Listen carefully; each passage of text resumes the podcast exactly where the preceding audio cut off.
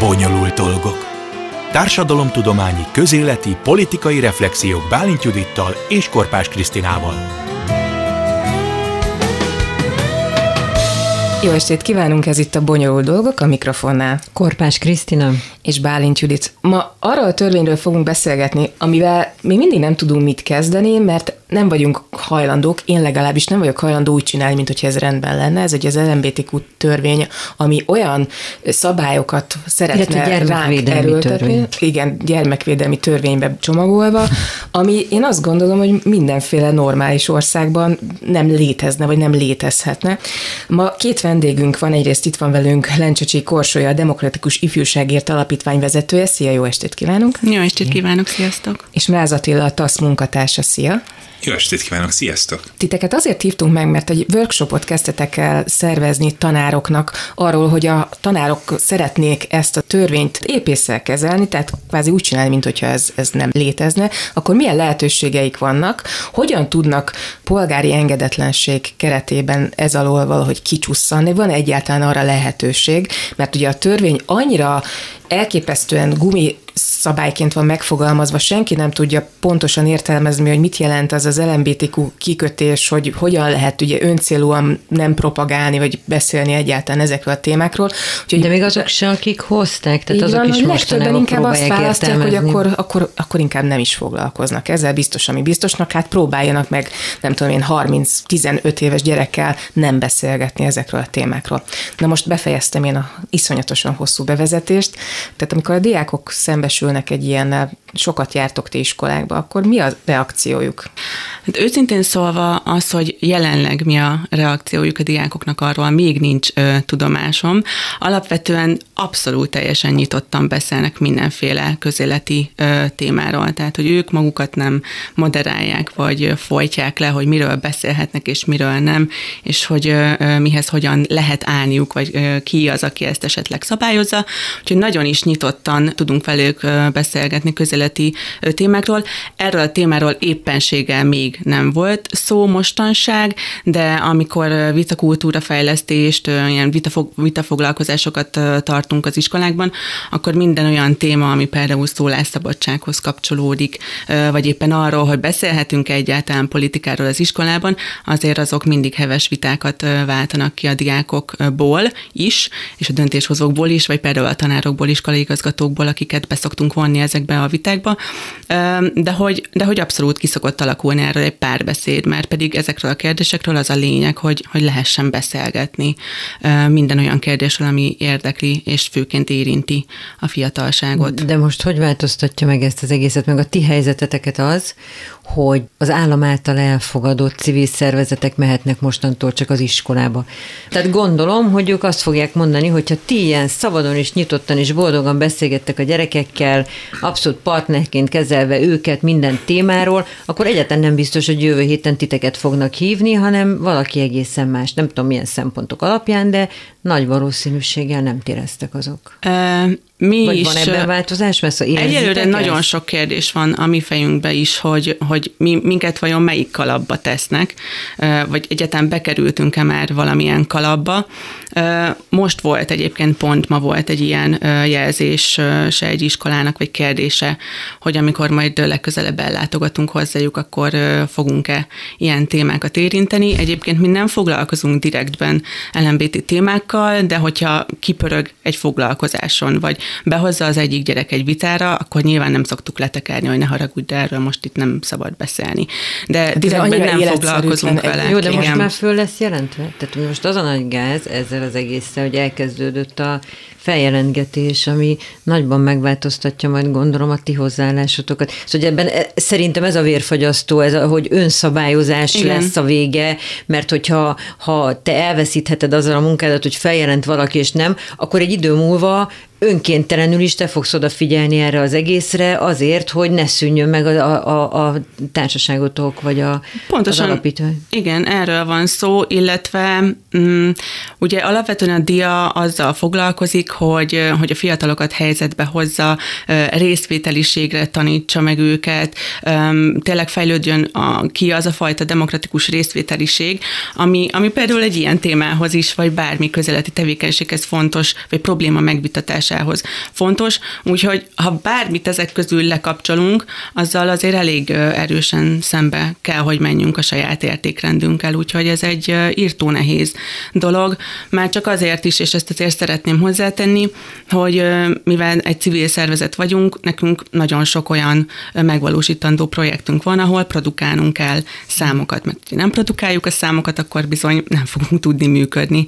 És sajnos azok a, a számunkra, és valószínűleg, sőt, biztos vagyok benne, hogy az iskolák, pedagógusok és fiatalok számára is fontos ügyekkel, amivel most már több mint húsz éve foglalkozunk, akkor nem fogunk tovább foglalkozni.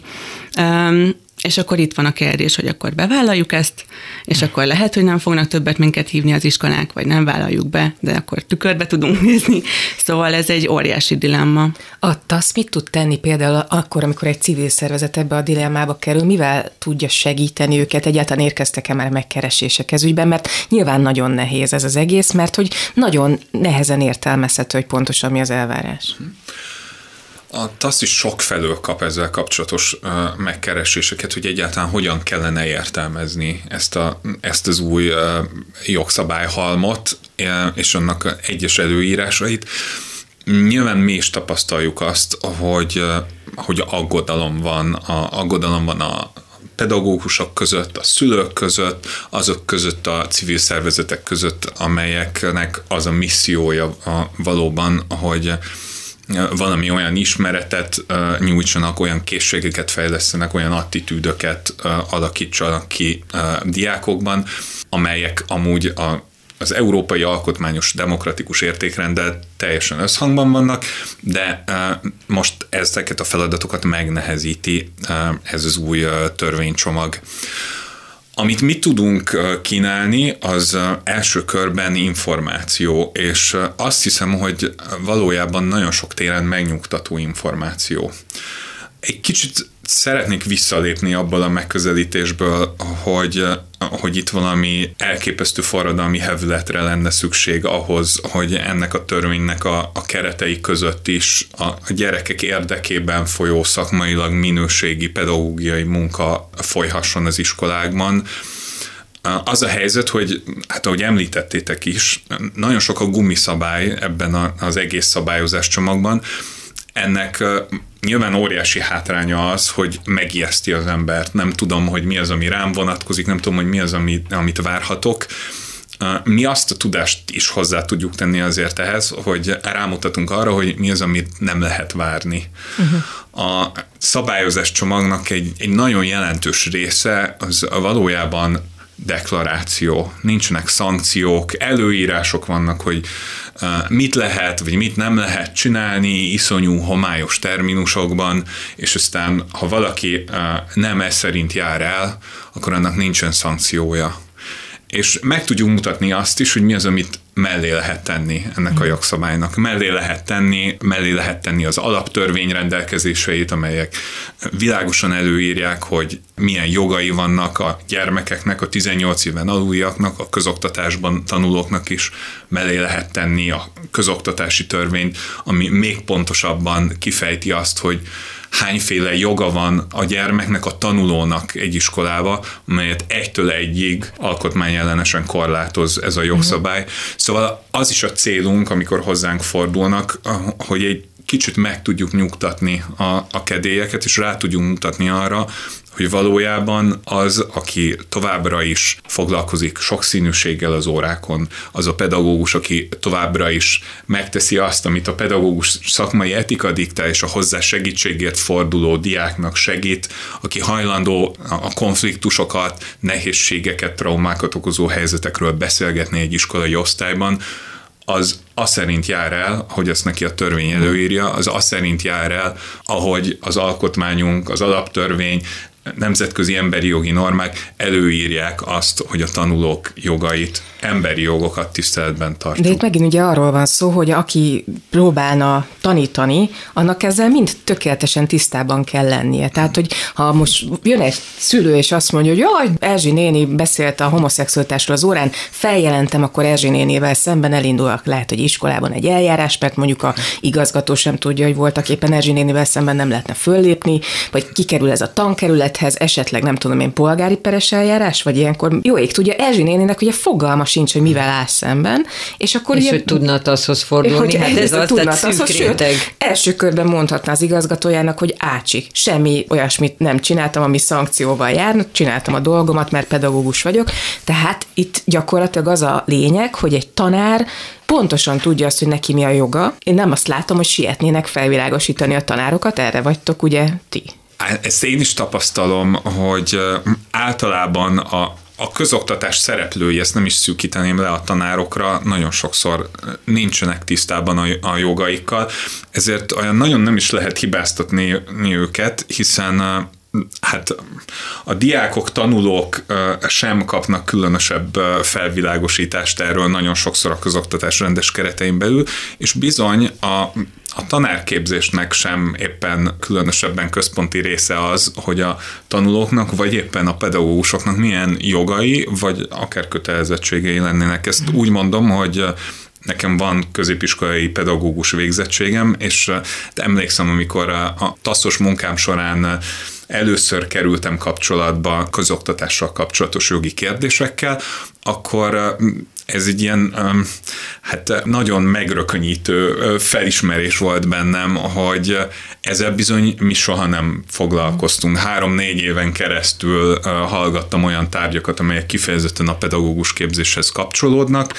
és persze egy csomó fontos ismeretet és készséget lehet megszerezni ezeken, de valóban ezt nagyon sokszor a civil szférának kell pótolni, hogy hogy felruházza a, a pedagógusokat azokkal a, az ismeretekkel, azokkal a, a készségekkel, amelyek bizony a jogérvényesítéshez szükségesek a, a közoktatási mm. környezetben, a saját jogaik érvényesítéséhez, de bizony a gyerekek jogainak az érvényesítéséhez is.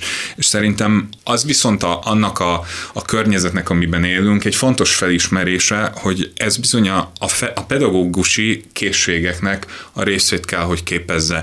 Egy nagyon nehezített környezetben kell ma helytállnia annak a pedagógusnak, aki, aki valóban a, a gyermek legjobb érdekével összhangban álló pedagógiai munkát akar végezni, és szerintem ebben a nehezített környezetben a jogi ismeretek is egy fontos eszközt adnak a sok közül a helytálláshoz. Ez az részben, amiben tudunk segíteni taszként, civil szervezetként, és ez az, amivel a, amiben szeretnénk előrelépni a diával közösen szervezett workshopokban is. Tulajdonképpen úgy beszélünk erről, mint egy ilyen homogén dologról, de hát őrületes különbségek vannak az országban iskolás és iskolák között. Tehát amikor azt mondod, hogy iszonyatosan jó párbeszédeket lehet folytatni, gondolom ez azért nem mindenhol igaz. Nem mindenhol igaz, ez tény, de még ha nem, nem gond, akkor reagálnék Be, persze, eh, arra, ami elhangzott, mert hogy, hogy erre csak ráerősíteni tudnék, hogy nem is az a, a probléma, hogy a pedagógusoknak nincs meg az ismerete, vagy, vagy akár a készségekkel lenne probléma ahhoz, hogy, hogy hogyan nyúljanak adott esetben egy témához, de azért, azért ti is tudjátok meg, biztos, hogy van olyan tapasztalatotok, hogy, hogy milyen egyéb más kötelezettsége van a pedagógusnak, és az nem mindig jut arra idő, hogy mondjuk ilyen extra dolgokkal, mint érzékenyítés, vagy, vagy a, a diákoknak mondjuk a közösségépítése, vagy akár a jogai, tehát hogy egy nagyon-nagyon sok mindenre nem jut idő sem kapacitás, és hogy a civileket még itt említeném, vagy hoznám be, hogy például a mi, mi munkánk is ezért lehet tényleg valódi segítségek közösségnek egy iskolában, vagy akár a pedagógusoknak, mert, mert egyfajta hiányterületet fed le. És, és közben segítség is, mert, mert ebben a, a pedagógus is iszonyatosan sokat tud tanulni, megismerkedik egy csomó olyan módszerrel, ami, amivel eddig még nem, ő is ki tudja próbálni, arra nem is beszélve, hogy közben a diákokkal milyen dolgok történnek közben, és hogy milyen készségeik meg mm, egyébek fejlődnek nyilván egy ilyen folyamatban.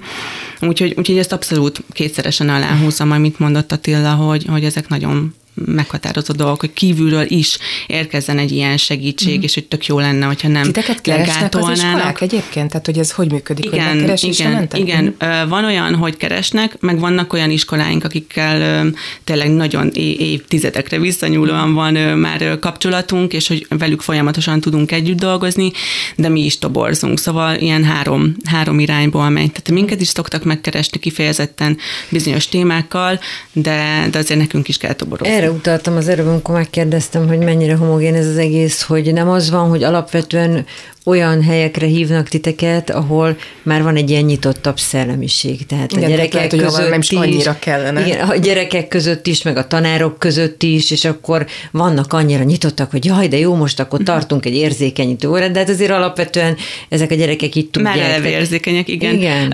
Ezzel szoktunk találkozni, de őszintén szólva a másik... Mondjuk azt mondom, senkinek hogy... nem árt, tehát nem erről van szó, csak igen. hogy eljuttok-e oda, ahol igazán szükség lenne uh-huh. erre. Szerencsére igen, és van is az irány irányú tevékenységünk, hogy, hogy minél több olyan iskolába, akár tanodába eljuthassunk, vagy tartassunk ilyen foglalkozást, ahol azt érezzük, hogy még inkább szükség van erre. Úgyhogy egyébként ö, az, aki, azokkal, akikkel mi együtt dolgozunk, azért egy nagyon heterogén közeg. Szerencsénkre egyetemistáktól kezdve tényleg tanodás hátrányos helyzetű közösségeken át az általa tulajdonképpen említett elit sulik meg gimnáziumok mellett, tehát nagyon sokféle osztályjal meg csoporton dolgozunk, de ez tény, hogy az a nyitottság, hogy akkor minket behívnak, az megvan, plusz az, hogy, hogy felismeri, hogy mondjuk ő ehhez vagy nem ért annyira, uh-huh. vagy uh-huh. mer segítséget kérni, azért ezek az ego dolgok is ott vannak mögötte, hogy azért mégiscsak én vagyok a pedagógus és a szakember, úgyhogy ezt meg kell tudni oldani, ami, ami egy elég fals dolog szokott lenni, szóval Aha, nem mi általában partnerségben dolgozunk, tehát nem az van, hogy oda menjünk és akkor megmondjuk a tutit, hanem, hanem a a pedagógussal abszolút szorosan együttműködve, hogy ez neki is egy win helyzet legyen. Nem csökkent az érdeklődés egyébként? Tehát, hogy azért most, hogy civil szervezeteket bemerni hívni az iskolába, tehát pláne az utóbbi néhány hónapban mindent megtett azért az állam, hogy minimum legalább janúsan nézzenek rátok. Hát igen, és mondjuk ezen a nevünk sem segít, ez igaz, bár, bár tényleg csak egy mezei civil szervezet vagyunk. Mi ezt még ennyire konkrétan nem érzékeljük, ugye nemrég mondtam ezt a mai példát, hogy ez volt az első, amikor ennyire direktbe meg lett kérdezve, hogy ugye nem fogunk ilyen témákkal foglalkozni. A, a toborzásainknak a nagyobb nehézsége most inkább arra fogják, hogy a, hogy a COVID után többet akarnak velük együtt lenni, uh-huh. meg hát írtóra le vannak maradva a tananyaggal, és ugye ez iszonyatosan fontos, viszont a, ami ilyen közösségépítő tevékenységeinket célozza, ott nem látunk egyáltalán visszaesést, sőt, uh-huh. tehát hogy azt meg kifejezetten keresik, és, uh-huh. és szeretnék, hogy menjünk. A taszt keresték meg mostanában konkrét dologgal? Mert most olvastuk ezt a konkrét történetet, hogy a Dunakanyarban levetették egy, egy könyvtárból a, a Meseország mindenkét, és a polgármesternek a levele, azt a múltkor el is mondtuk, az egészen megdöbbentő volt, és egészen rossz időket idézett, tehát hogy most már van egy ilyen hihetetlen hát amit az előbb mondtam, egy ilyen öncenzúra, tehát mindenki túl teljesít, tehát egyáltalán nem biztos, hogy azt akarták elérni, de tényleg néha ez az érzésem, amit elfognak. Uh-huh. Lehet, hogy hoztak egy ilyen törvényt, így gondolták, hogy jó, ezzel úgy lehet szórakozni, de hát mindegy, nincs szankció, nincs szankció, senkit nem érdekel, de hát az emberek túl teljesítenek, uh-huh. és boldogan elkezdik Igen, feljelenteni. Mert nincs szankció. Mert hogy fogalmuk uh-huh. sincs arról, hogy ez nem ez volt a szándék. Szóval, hogy megkeresnek titeket konkrét dolgokkal, meg találnak? Ugye eddig még azért sem kaphattunk tömeges megkeresést kifejezetten a, hát az, az új homofób törvénycsomag kapcsán, mert nyár közepetáján lépett hatályba ez a szabályozás, és, és most, most szeptember igen. van, tehát nemrég kezdődött az iskola, azért általában a szeptember az, az, uh-huh. az egy nagyon intenzív periódus minden közoktatási intézményben, ott egy csomó elintézni való van, új osztályok ismerkednek egymással, a pedagógussal, tehát nagyon ritka az, hogy kifejezetten szeptemberben induljanak be amúgy is ezek a, az alkalmak, amelyek de kihívásokat televízió, hogy bár, bárhonnan jött ezzel kapcsolatban, mert ott is megy ez a két, kétség, hogy most akkor uh-huh. pontosan mi mit jelent, mit lehet megjelentetni, uh-huh. mit nem lehet. Igen, uh, dolgozunk folyamatosan együtt különféle olyan szereplőkkel, akiknek nagyon fontos értelmezni uh-huh. ezeket a, a, az új szabályokat, méghozzá úgy értelmezni, hogy a lehető legnagyobb szabadságot kapják arra, hogy akár pedagógusként színvonalas pedagógiai munkát végezzenek, akár egy médiumként a szólásszabadságukat a lehető legszélesebb mhm. terjedelemben kihasználva tudjanak továbbra is az érték mellett elkötelezett, illetve általában is csak sokszínű és tárgyilagos tájékoztatást is magába foglaló műsorokat csinálni.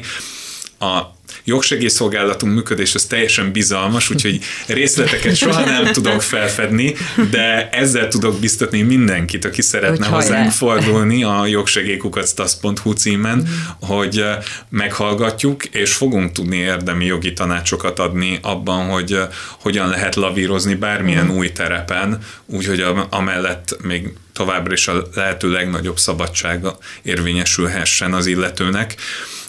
Amiről ugye lehet tudni, azok, azok az esetek elsősorban, amelyek túlmennek azért az öncenzúrán. Tehát például, amikor arról beszélünk, hogy egy, egy polgármester eltávolítat egy könyvtárból egy könyvet, vagy mondjuk... Igen, én a feljelentésre értettem, tehát igen. Így, és hogy leszette a könyvtáros, pedig nem értette ezzel egyet. Mert hogy senki nincs tisztában azzal, hogy mit lehet, mit nem lehet. Igen, igen, hát azt gondolom, hogy a, hogy az ilyen esetekkel viszont nagyon sokszor lesz dolgunk, és ott az következetesen ki fog állni ezekben az esetekben a, a cenzúra erőfeszítések mellett. Ugye korábban is láttunk olyan eseteket, ahogy a, hát beindult tulajdonképpen a, a kormánynak a, az LMBTQ ellenes propaganda vihara, a fogyasztóvédelmi hatóság uh-huh. jogkörében eljárva, ugye a, a kormányhivatal megbírságolta például a kiadóját, terjesztőjét annak a mesekönyvnek, amely nagyon sok szempontból központi témává emelte a LMBTQ hát Gyakorlatilag ez robbantotta be ezt az egész mm. ügyet egy évvel ezelőtt a darálás után lett ez talán egyre hangsúlyosabb ez a téma, hogy a gyerekeket meg kell védeni. Megtetszett a Fidesznek a saját. Annyira szükség van erre, akkor csináljuk. Igen, viszont az, az nagyon fontos, hogy ezekben az ügyekben nem eszköztelen az, aki az áldozatává válik ezeknek az új szabályozásoknak, mint ahogy ugye egy ilyen döntést is közigazgatási perben meg lehet támadni, és ebben például más civil szervezettel együttműködve segítőkezet is nyújtottunk, ugyanígy segítőkezet fogunk nyújtani bármilyen olyan további esetben hát is. Igen, csak ugye ez macera. Tehát most én azon gondolkozom, hogyha nekem ezzel ki kéne állnom, hogy saját igazamat perel kell vinnem, be kell járkálnom a bíróságra, és akkor azt fogom mondani, a franc ennyit nem ér ez az egész, akkor inkább leveszem a könyvet, vagy inkább nem beszélek erről, vagy inkább minden létező műsor elé kitesszük a 18-as karikát, amiben bármilyen módon megjelenik az LMBTQ, biztos, ami biztos, mert a fenének hiányzik ez az egész. Én egy kicsit kevésbé látom szürkén a, a helyzetet, Részben azért, mert nagyon sokszor például egy, egy közigazgatási döntésnek a bírósági megtámadáshoz egyáltalán nem jár ilyen macerával, am, a, amit felvázoltál. Ötletem sincs, hogy hogyan kell jár, megtámadni bármit. Jár, de ugye, ha hozzánk fordulsz, és tudjuk vállalni a képviseletedet, akkor ez a macera a, a mi ügyvédeinket illeti meg. Úgyhogy szerintem nagyon fontos e, éppen ezért, hogy létezzen egy ilyen védőháló, amiről tudnak ezeknek a szabályozásnak a, ezeknek a szabályozásoknak a megcélzott hát ez az. emberei. Ezért is próbáljuk lépten nyomon hangsúlyozni azt, hogy, hogy a, a TASZ például tud nagyon sokszor hasonló esetekben segíteni.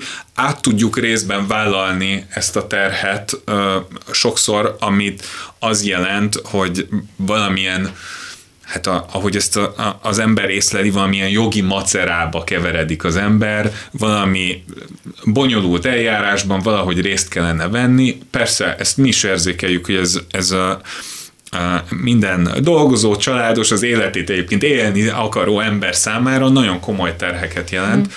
Hmm.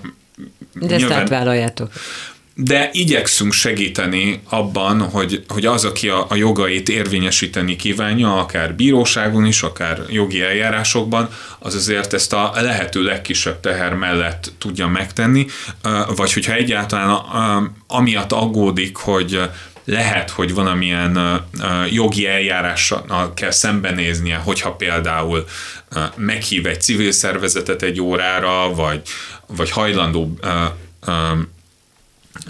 igazgatóként tudomásul venni azt, hogy az iskolában továbbra is folyik szexuális felvilágosítás, továbbra is folyik olyan szexuális felvilágosítás, amelyet civil szervezetek végeznek, amely hajlandó LMBTQ témákról is beszélni. Szóval amikor valaki bevállalja ezeket a dolgokat, akkor tudja azt, hogy van kihez fordulnia. Ez szerintem nagyon fontos a, a TASZ, illetve általában a, a civil jogvédő szervezetek, azok pont egy ilyen védőhálót, egy ilyen pajzsot kívánnak uh, nyújtani, hogy azok, akik, akik abban a helyzetben vannak, hogy egyébként uh, tudják érvényesíteni a jogaikat, de aggódnak a következmények miatt, azok nem maradjanak támogatás nélkül. Szerintem ez azért, tehát hogy most ugye a közös projektre utalva, hogy, hogy például pont ezt szeretnénk ezzel megalapozni, hogy egyrészt módszertanilag, másrészt pedig a jogilag is kapjanak olyan muníciót a pedagógusok, hogy, hogy egyáltalán bevállalják ezt, mert hogy szerintem ez a nulladik lépés, hogy egyáltalán bevállalják, vagy például nem, hát, hogy a mínusz egyedik, hogy jelentkeznek hogy egy ilyen képzésre, vagy egy ilyen workshopra, igen. hogy megfogalmazódik uh-huh. ez bennük. Szerintem egyébként sokkal hamarabb jön el a stop tábla, mint hogy egy ilyen megfogalmazódjon, és szuper lenne minél több pedagógust elérni, hogy, hogy, hogy tényleg tisztában legyen azzal, hogy, hogy ezzel nem sért jogot, sem törvényt, és hogy mégis ő is rendben van magával, és tud ezekről beszélni a diákjaival. Aki azt gondolja, hogy ez a törvény, ez, ennek létjogosultsága van, mert tényleg nem lehet, hogy bemennek óvodákba, iskolákba, civil szervezetek is propagálják a nem átalakító műtétet és a, a homoszexualitást. Ti, mint civil szervezet, mikor propagáltátok a homoszexualitást? Vagy, vagy jó, nem leszek ennyire Bocsánat. cinikus. Akkor azt kérdezem inkább, Mit jelent ma a 21. században a szexuális felvilágosítás a gyerekeknek? Kiket világosítotok, világosítotok föl, és miről tudtok velük beszélgetni? Ö, bocs, de szerintem én ezt most passzolni fogom ezt a kérdést, mert hogy mi nem foglalkozunk ezzel. nem foglalkoztok ezzel. Mi nem, nem, mi, nem, uh-huh. mi nem, tehát hogy egyrészt nincs tehát is nálunk olyan szakember, aki aha, ahogy ha szóba kerül, tehát hogyha valami, uh-huh. valami felvetődik kérdés, akkor arra reflektáltok, de ti Így nem van. kezditek nem, ezt a párbeszédet. Nem, mi nem, tehát hogy uh, ugye mi mi elsősorban vitakultúra fejlesztéssel foglalkozunk, uh-huh. és különféle vita helyzeteket teremtünk. A vitát most nem úgy értsétek, hogy ez a versenyvita forma, hanem a közösségi vita uh-huh. módszertanával dolgozunk. Tehát, hogy ennek a középpontjában egy probléma áll, és az a cél, hogy ezt minél több perspektívából megvitassuk. Ha lehet, döntéshozókkal együtt, meg a diákokkal együtt, hogy ez is ugye a perspektíváknak a, a, a növelését célozza. Tehát, hogyha ebben előkerül bármi olyan téma, ami esetleg LMBT téma, az ott jöhet. Ha előkerül ebben vélemény, érvek, ellenérvek, azok jöhetnek, de mi nem szoktuk ezt megmagyarázni, hogy egyébként ez Tehát, hogy mennyire kíváncsiak uh-huh. a mhm. gyerekek erre úgy, hogy akár egy, egy messziről bejött emberrel akarják ezt megbeszélni, és nem pedig egymás között, meg hát azért most már az internet korában uh-huh. elég sok mindent megtalálnak. Egyelőre kicsit szörmentén jött föl ez a téma, inkább a szólásszabadsághoz kapcsolódott. Uh-huh. Mi, nekünk van egy ilyen saját fejlesztésű vitajátékunk, ami a Voxpop névre hallgat, és abban van egy olyan tételmondatunk, hogy a szélsőség, vagyis hogy a szólásszabadságban a szélsőséges eszmék is beletartoznak, tehát hogy azt is ugye meg lehet említeni, meg ki lehet nyilvánítani. Na és akkor itt szokott egyébként bejönni egyébként nagyon sok téma, tehát hogy mindenféle kirekesztés, és, megbélyegző téma, és akkor itt egyébként LMBT csoportokat is nyilván elő szoktak venni, hogy az úgy oké okay, vagy nem oké, okay, akár a felvonulás kapcsán is szoktak vitázni, de hogy, de hogy ez ugye ennek az a célja, hogy egyetem beszéljenek erről, és hogy megvilágítsák azt, hogy, hogy oké, te így látod, én így látom, szerintem ez belefér, szerintem ez nem fér bele, szerintem addig fér bele, amíg nem sértem a másikat, szerintem meg akkor is meg kell mondani, mert különben ő, ő akkor hogyan fog ö, ö, szólásszabadsághoz jutni. Szóval, hogy inkább ilyen szörmentén jönnek föl ezek a témák, viszont akkor egész parázsviták alakulnak, akár ementén, de akár etnikai megköz, megkül, megkülönböztetés mentén is. Uh-huh. Ugye most egy nappal beszélgetünk az első workshopotok előtt. Mennyien jelentkeztek pedagógusok? Mennyire voltak erre nyitottak a tanárok? Most úgy néz ki, hogy 13 fővel fog elindulni az első workshop, ami igazából azt hiszem, hogy a várakozásainknak, az örömteli várakozásainknak Abszolút. megfelel. azért az nagyon fontos, hogy egy, egy ilyen beszélgetés, az, az tényleg egy kis létszámú csoportban, bizalmi légkörben tudjon folyni. Tehát igazából mi már ahhoz voltunk közel, hogy várólistát csináljunk a, a további befutóknak, és és hallottunk arról, hogy máshonnan is egyébként Budapesten kívülről Igen. lenne igény további hasonló eseményekre, beszélgetésekre, úgyhogy miatt azt részéről nagyon bizakodóan Mi is a dia részéről, igen. És ezt folytatjátok majd? Bízunk benne, hogy igen.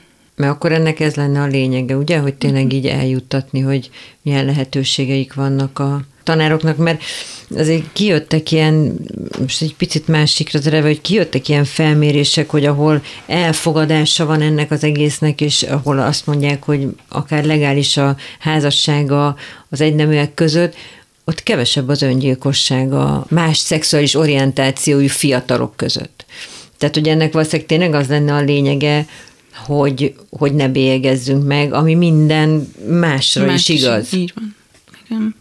Tehát, hogy nem tudom, hogy ezzel mit lehetne tenni. Tehát azt mondjuk mit szólt, amikor hogy meglátta ezt a törvényt? Tehát így leültetek, átolvastátok pontról pontra, és utána így fogtátok a fejeteket, és tudtátok volna, tehát így ráadásul, hogy mondod, hogy az alkotmányba ütközik. Tehát, hogy akkor ezzel nem lehet valamit kezdeni? Mm-hmm. Azt hiszem, hogy amikor mi először megláttuk a, a TASZ-ban ezt a törvénycsomagot, akkor azért leginkább azt gondoltuk, hogy ez így nem egy törvény. Azért vannak annak ilyen minimális minőségi kritériumai, hogy, hogy mi az, ami jogszabálynak számít, ezeket ugye a jogászok elég formálisan értelmezik, de hát azért tényleg olyan fogalmakkal találkozunk, amelyeknek lényegében nincs semmilyen jelentés tulajdonítva, borzasztó nehéz értelmezni, hogy egyáltalán az ilyen fogalmak, mint például a homoszexualitás népszerűsítése, uh-huh. az, az vajon... bemutatása és propagálása. Igen, ezek, ezek egyáltalán mit jelentenek, nagyokat. nincsenek szankciók rendelve a, a, a rendelkezések jelentős részéhez. De hát ahogy ezt említettem, azért mi próbáljuk ennek a, a naposabb oldalát nézni.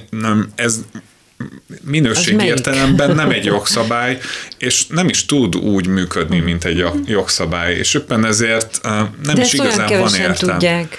Tudjátok, tehát hogy ezzel az, tényleg az a baj, hogy oké, okay, hogy remélem itt meghallgatják többen, hmm. de hogy kihez jut el, hogy, hogy ezzel nem kell foglalkozni. Hát, Tehát azért ebben van valami rémisztő. csak fel kell rajta mert, háborodni. Igen, mert hogy a, a, a, az, hogy megkérdezik, és ilyen töprengve mindenki, hogy mondjuk megjelent egy csókjelent, és akkor napokig arról szólnak újságcikkek, hogy az egyik sorozatban uh-huh. két lány csókolozott, az átmehete vagy sem, annyira abszurd, de mégis az életünk része. Uh-huh. Én azt hiszem egyébként, hogy nagyon-nagyon sok pedagógus van, akit érintenek, és kifejezetten a, a lelkében mélyen érintenek ezek a szabályok. Részben azért is, mert azt gondolom, hogy minden pedagógus érzékeny arra, amikor belenyúlnak az ő szakmai autonómiájába, Ami már régóta megy sajnos. Igen. Itt olyan témákról van szó, és annyira tágan, képlékenyen meghatározott témákról, hogy valójában a, a biológia tanártól a történelem tanáron át, a, az irodalom tanárig tényleg mindenki érintve érezheti magát, és érintve érzi magát bármiféle harcos küldetéstudat nélkül is. Nekem, az érzékenysége miatt, mert szereti a gyerekeket. Ezért is, esetben. és nekem pedagógus barátaim nagyon sokszor ilyen teljesen elemi kérdésekkel fordulnak hozzám, amelyek még csak különösebb érzékenységet sem kívánnak, de hogy például akkor most uh, Saffot taníthatom ezután, vagy, mm. vagy a Shakespeare szonettekből akkor most csak az egyik értelmezést szabad már elmondani? Vagy... És akkor erre mi a válasz? És ezekre az a válasz, hogy nem, nem, ezeket ugyanúgy lehet tanítani, ahogy eddig lehetett uh, szabadon tanítani, egy pedagógus bármit csinálhat ugyanúgy, ahogy eddig csinált ennek a törvénycsomagnak a megszületése előtt, jogi értelemben semmilyen kikényszeríthető, semmilyen szankcióval járó előírás nem vonatkozik rá. Ez szerintem nagyon fontos tudni mindenkinek. Ami vonatkozik rá viszont továbbra is, az az, hogy neki a gyermekek jogaival összhangban álló oktatást, nevelést kell nyújtani a közoktatásban, ezt nagyon sokféleképpen lehet megcsinálni, de nagyon nehéz úgy megcsinálni, hogyha például a gyerekek nem szerezhetnek tárgyilagos ismereteket az őket körülvevő világról, arról a világról, amit lehet így szeretni, vagy nem szeretni, sokféle véleményt formálni róla, de az egy tény, hogy sok szempontból, és úgy szexuális szempontból is sokszínű világban élünk, amúgy erről nyilvánvalóan a gyerekek, tanulók is tudnak. Hát persze. Hát persze de az iskolának egy olyan terepnek kell lennie, ahol uh, például kérdéseket szabadon megfogalmazhatnak, véleményeket szabadon uh, közölhetnek tanulók is. Ez pedig akkor megy ugye valóban, hogyha a, a, a tanár mer és segíti, előmozdítja ezt a folyamatot, mi azt reméljük, hogy ezek a workshopok ezt is segíteni fogják a jövőben is.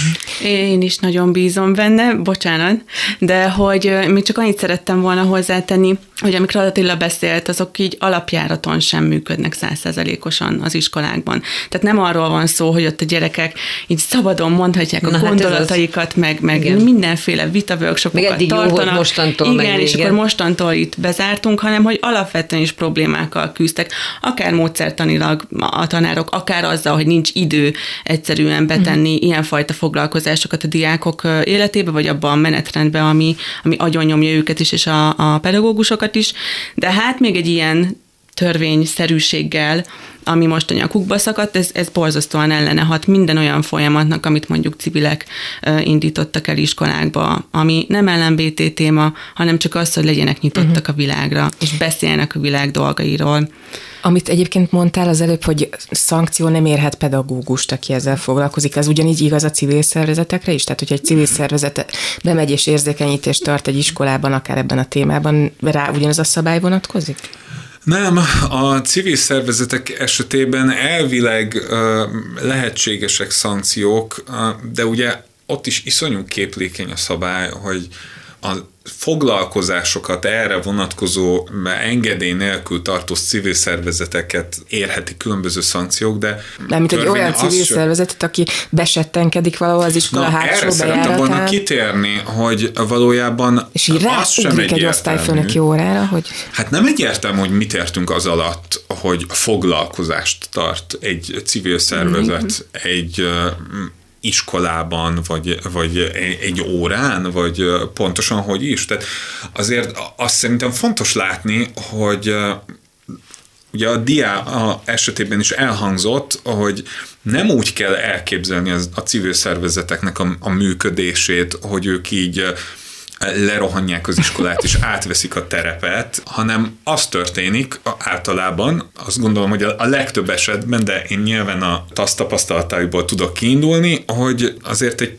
pedagógussal történik együttműködés, egy pedagógus meghív esetleg egy civil szervezetet, vagy akár többet, ezt akár úgy is megteheti egyébként, hogy ahogy nem átadja a, a, a foglalkozást, akármit is jelentsen ez a civil szervezetnek megtartásra, hanem a pedagógus tart egy órát, de ennek a keretében ugye hát azért meghívhat vendégeket is. Ez nagyon sokszor előfordul teljesen más területeken is, nyilván nem annyiszor, mint, mint az, az előnyös lenne, de hát például amikor pályaválasztásról beszélgetnek egy iskolában tanulókkal, akkor azért a, a szerencsés helyeken sokszor előfordul az, hogy egy osztályfőnök mondjuk meghív vendégként különböző órákra ilyen-olyan pályákat választó embereket, és ők beszélnek a, a saját tapasztalataikról, de azért ilyenkor nem az történik, hogy átveszi az irányítást Persze. valami külső hatalom,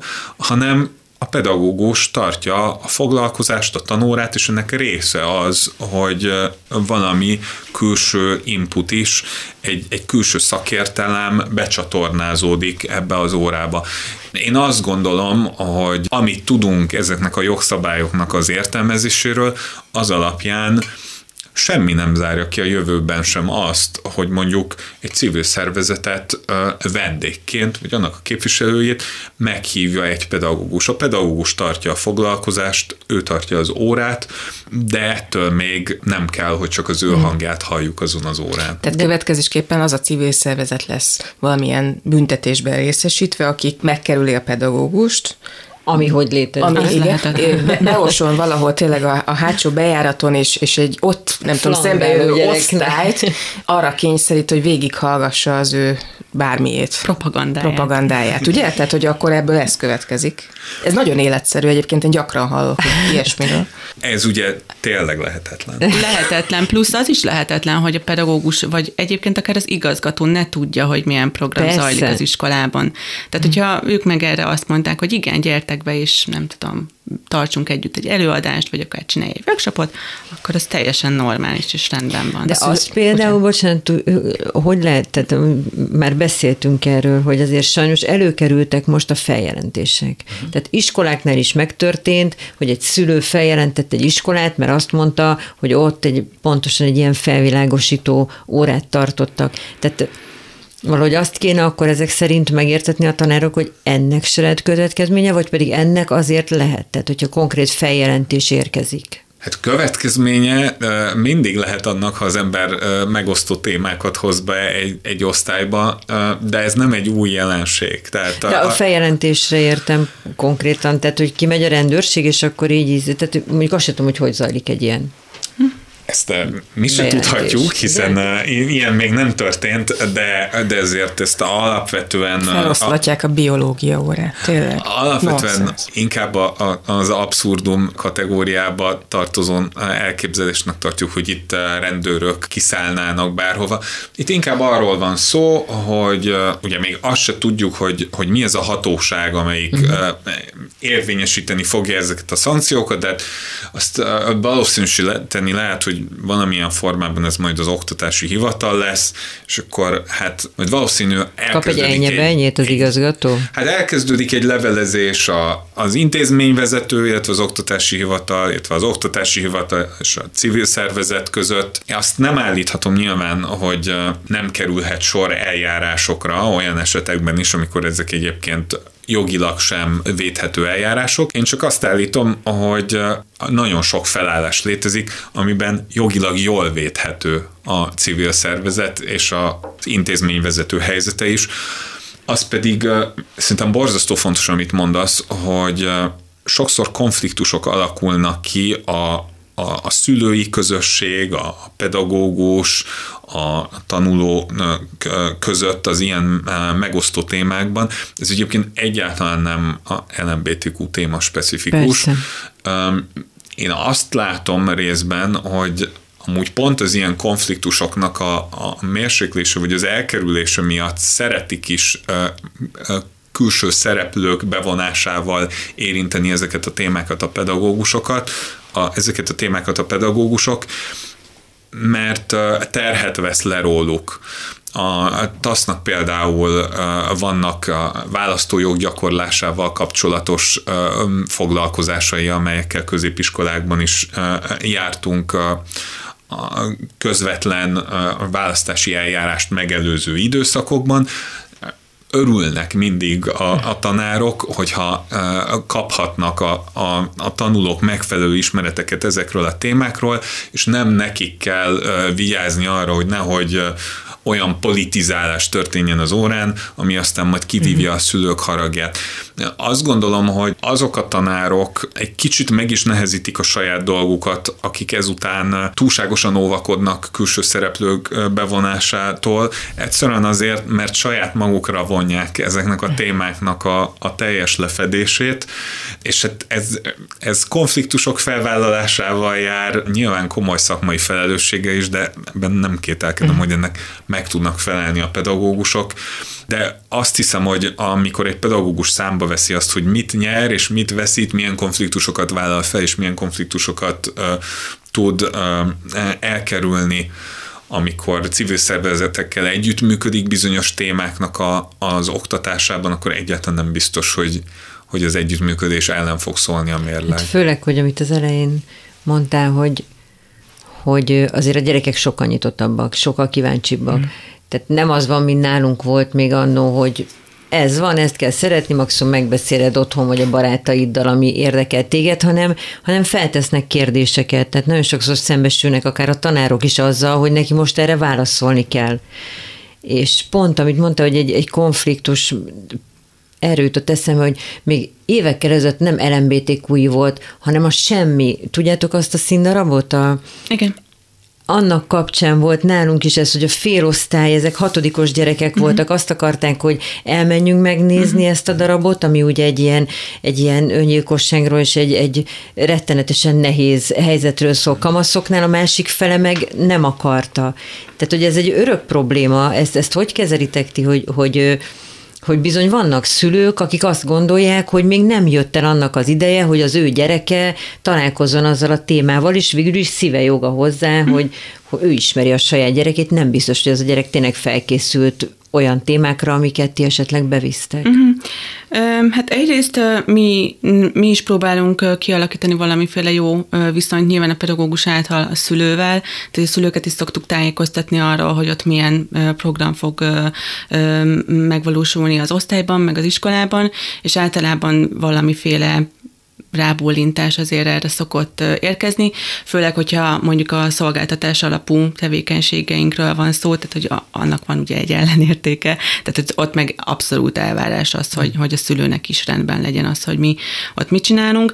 Másrészt viszont nálunk van az a kompetencia, amivel jól meg tudunk fogni témákat, és abba be tudjuk húzni a diákokat, akár úgy érzi a szülő, hogy most ez még, még nincs itt az ideje annyira, akár azt mondja, hogy persze minden mehet neki. Nagyon differenciált nyilván egy osztály is, és hogy mi is így állunk hozzá a, a bizonyos témáknak.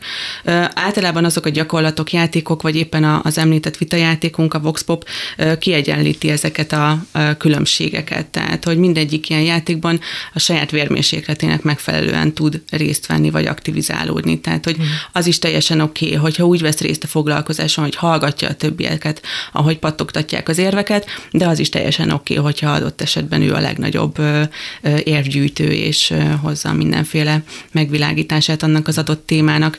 Úgyhogy, úgyhogy van egy ilyen szakmai privilégiumunk, én ezt nem titkolom, meg nem is szeretném így elmismásolni, hogy persze minden annak megfelelően történik, ahogy a, ahogy a szülő, vagy adott esetben a pedagógus kéri, de az nagyon fontos, hogy ez egy együttműködésben uh-huh. történjen a pedagógussal, vagy ha épp a szülő a megrendelő. De akkor, akkor vele. ezek szerint olyan sosincs, hogy a szülő ne tudna arról, hogy a gyerekével mi fog történni az iskolában, hogyha jön egy civil szervezet? Ö, én nem tudok róla. Mondom, nálunk, ami nagyon fontos, és ahol ennek megvan tényleg így az a kör, hogy biztosak vagyunk benne, hogy minden szülővel beszéltek, az az, az amikor szolgáltatás alapú foglalkozást tartunk.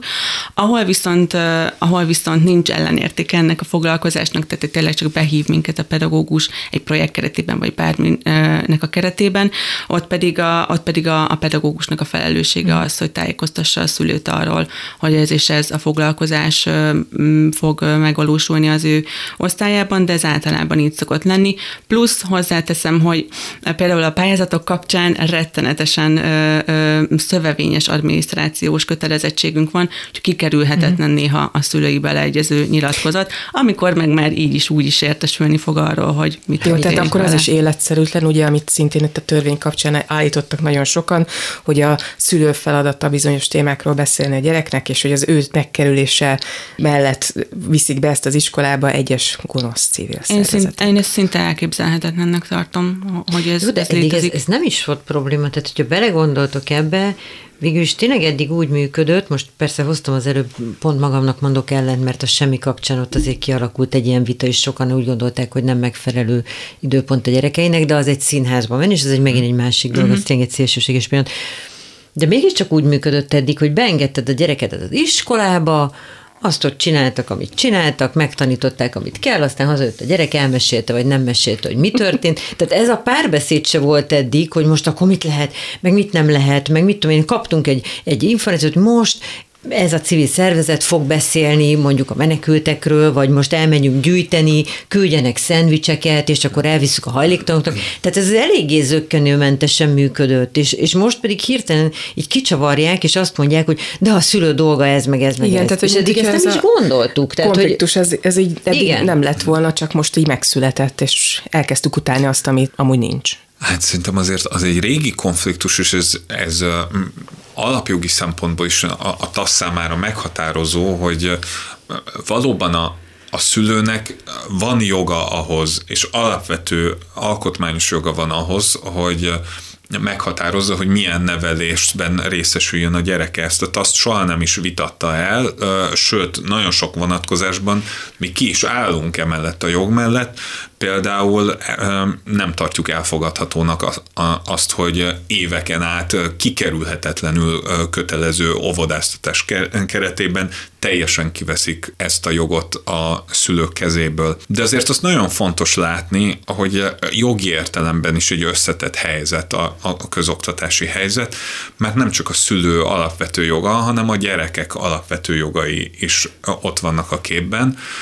A gyerekeknek pedig joga van ahhoz, hogy bizonyos dolgokról ismereteket szerezzenek, az ő művelődéshez való alapvető joguk érvényesítését szolgálja a, a közoktatás puszta léte is.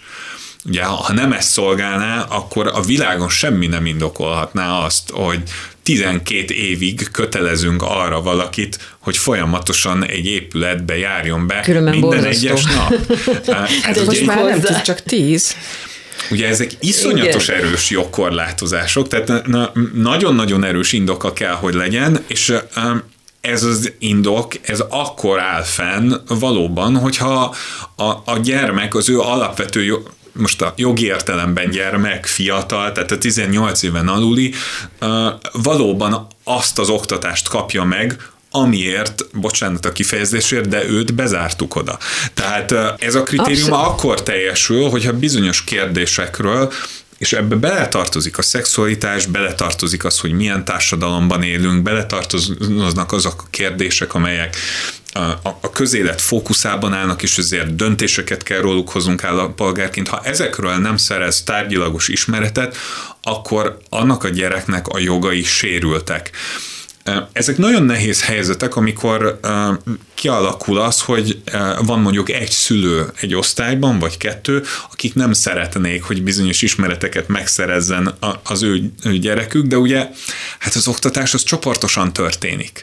Tehát én azt gondolom, hogy azoknak, azokat az intézményes megoldásokat kell keresnünk mindig, amelyek ugyan érvényre juttatják a szülőnek a, a a, azt a jogát, hogy a saját világnézete szerint nevelhesse a, a gyerekét, de közben uh, nem használjuk ezt a jogot arra, hogy megvétozzuk 28 másik gyerek alapvető jogának az érvényesülését. Hát meg hát azért elég naív gondolat az, hogy azt képzeljük, hogyha az én gyerekem kimarad mondjuk a szexuális felvilágosító óráról, majd a többiek nem fogják neki elmondani, hogy ott mi történt. A szünetben, illetve igen. a szünetben, illetve hát, hogy azt a gyereket, akit a szülő ettől távol akarna tartani, az nem lenne kétszer olyan kíváncsi erre az egészre. Igen, meg azért ez egy elég téves elképzelés, hogy csak az iskolában találkoznak bizonyos Persze. témákat, tehát sokkal több témával találkoznak e minden egyéb platformon, mint És az akkor már iskolából. hogyha így és ez, meg Igen, ezeket. tehát ez mennyire jó, hogyha ezt mondjuk tudjuk olyan programokkal támogatni, ami segíti ezt a feldolgozást, A- mert a, igen. igen.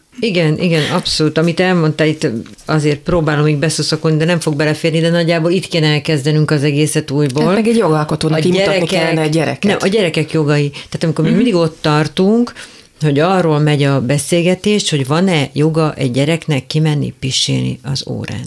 Tehát amikor fogalma nincs senkinek arról, hogy igen, van joga, mert ez is hozzátartozik, és nem engedik ki. Van-e joga inni?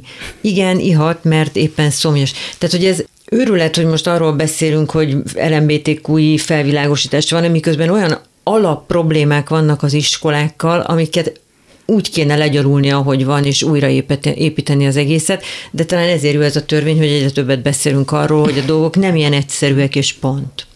Bologattok, de nyugodtan még Ezt nyugodtan. akkor vegyük ezt a pontot egy, egy végpontnak, mert az időnk lejárt. nagyon szépen köszönjük Mráz Attilának, a TASZ munkatársának és Lencsecsi Korsójának, a Demokratikus Ifjúságért Alapítvány vezetőjének, hogy itt voltak velünk. Mi nagyon drukkolunk, hogy ez a workshop jól sikerüljön. Egyébként a, a TASZ oldalán, illetve a DIA Facebook oldalán, tehát hogy több helyen meg lehet találni ezt a workshopot, hogy gondolom nem ez lesz az első, ami holnap lesz csütörtökön, hanem reméljük, hogy egy sorozat lesz belőle, tehát aki érdekel, az, az keresse őket, mert biztos nagyon hasznos, a bonyolult dolgoknak pedig akkor ezzel elértünk a végére. Köszönjük szépen a figyelmet. A www.clubradio.hu oldalon ezt a műsort, hogy az összes többit megtalálják, illetve keressék a bonyolult dolgokat a mindenféle podcast felületeken, mert most már egyre több helyen ott vagyunk.